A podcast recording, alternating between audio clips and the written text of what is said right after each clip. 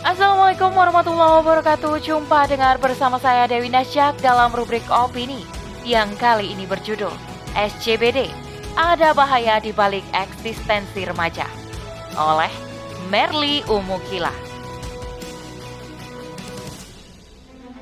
Padahal akan sangat berbahaya jika terus difasilitasi dan dibiarkan tanpa bimbingan. Peran agama sangat diperlukan agar umat tahu batasan aktivitas apa yang diperbolehkan. Demikian pula sistem bernegara yang mempunyai kekuasaan penuh dalam mengarahkan media dan budaya apa yang diadopsi dan apa yang dieliminasi. Selengkapnya, tetap di podcast Narasi Pos Media. Narasi Pos, cerdas dalam literasi media, bijak menangkap peristiwa kunci. Kalau bisa cari duit cara instan, kenapa harus sekolah tahunan? Capek mikir, belum tentu lulus dapat kerja. Seandainya ini yang menjadi mindset anak-anak remaja yang eksis di Citayam Fashion Week, mungkinkah visi Indonesia Emas 2045 pembangunan manusia serta penguasaan iptek akan terwujud? Mengingat mereka lah kelak yang akan menjadi pengganti pemimpin negara. Siapa yang tidak tertarik? Hanya modal konten bisa menghasilkan cuan. Kontennya pun sangat sederhana, tidak memerlukan keahlian, ilmu, apalagi modal besar. Cukup berlenggak-lenggok di zebra cross dengan outfit nyentrik. Menjadi konten kreator menjadi pilihan di tengah sulitnya mencari pekerjaan. Celakanya, hal ini sebagian besar diminati oleh anak-anak remaja seusia sekolah yang harusnya fokus menuntut ilmu. Sebagaimana diketahui, Citayam Fashion Week adalah sebuah kegiatan fashion show anak remaja di kawasan atau dekat pintu masuk stasiun Sudirman Dukuh Atas, Jakarta. Para anak muda ini berasal dari sekitar daerah Citayam, Bojonggede, dan Bogor.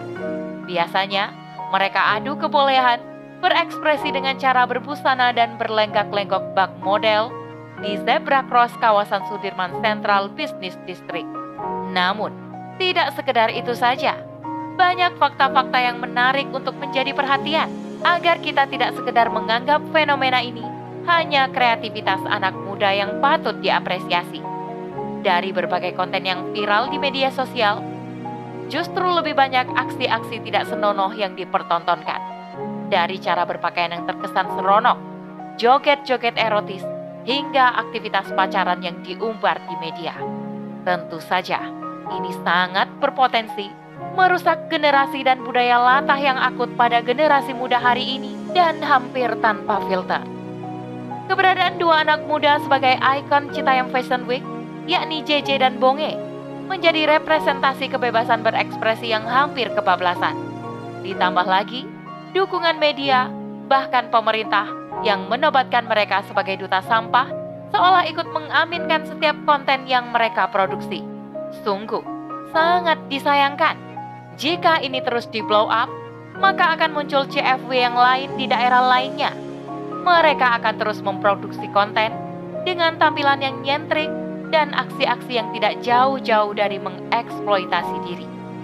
Seperti dikutip dari Antara pada Minggu 24 Juli 2022, apresiasi positif bahkan diberikan oleh kepala negara, Pak Jokowi, ikut menanggapi kreativitas remaja ini sebagai karya yang harus didukung asal tidak melanggar aturan. Dukungan media dan pemerintah makin membuat aktivitas remaja ini makin eksis. Konten-konten CFW menjadi trending topik di aplikasi TikTok. Meskipun bisa dikatakan konten tersebut tidak mengandung nilai pendidikan dan sosial sama sekali. Remaja saat ini mengalami penyakit latah akut, mudah sekali ikut-ikutan apa yang sedang viral. Konten-konten CFW menjadi konsumsi jutaan mata anak muda, bahkan anak di bawah umur.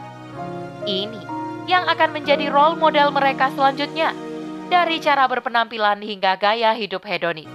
Bahkan mulai bolos sekolah hingga akhirnya putus sekolah demi ngonten dan mendapatkan uang. Lalu bagaimana kelak pemimpin masa depan jika anak mudanya saja tidak peduli pendidikan? Bagi mereka, popularitas dan materi adalah tujuan utama Jangan sampai popularitas yang mereka dapatkan secara instan ini justru hanya sesaat. Mengingat persaingan pada industri hiburan sangatlah tinggi. Seorang pekerja seni harus bersaing dengan ribuan wajah-wajah baru yang lebih fresh dan lebih kreatif.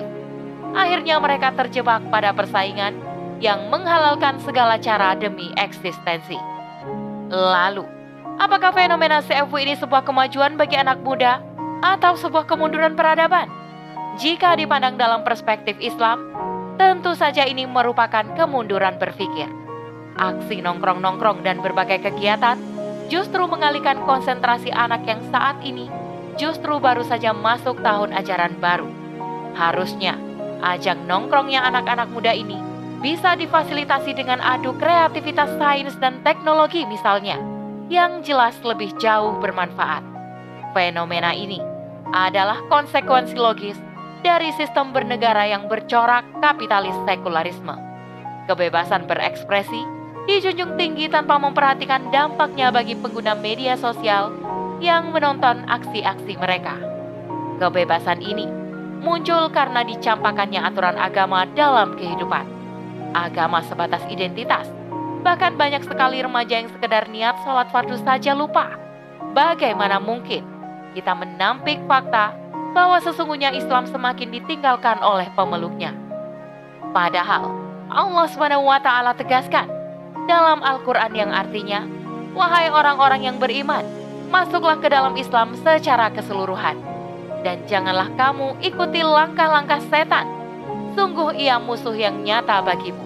Quran Surah Al-Baqarah ayat 208 Fenomena ini hanyalah perkara cabang. Permasalahan utamanya bukan pada anak-anak mudanya, tapi negara memberi ruang atas nama kebebasan berekspresi. Padahal akan sangat berbahaya jika terus difasilitasi dan dibiarkan tanpa bimbingan. Peran agama sangat diperlukan agar umat tahu batasan aktivitas apa yang diperbolehkan. Demikian pula sistem bernegara yang mempunyai kekuasaan penuh dalam mengarahkan media dan budaya apa yang diadopsi dan dieliminasi. Walhasil, solusi yang tepat bukan hanya meniadakan acara tersebut, tapi menerapkan hukum Allah Subhanahu wa taala sebagai pedoman hidup bagi makhluknya. Keterbatasan akal manusia tidak akan mampu membuat hukum atau undang-undang yang menyelesaikan problematika hidup yang kompleks. Kita telah diberi teladan oleh Rasulullah tidak hanya dalam beribadah, tapi juga dalam bernegara. Selain sebagai nabi, Rasulullah Shallallahu Alaihi Wasallam juga sebagai kepala negara dan komandan perang.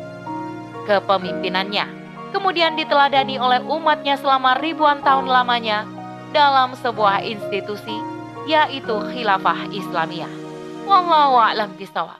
Demikian rubrik opini kali ini. Sampai bertemu di rubrik opini selanjutnya. Saya Dewi Nasya undur diri. Assalamualaikum warahmatullahi wabarakatuh.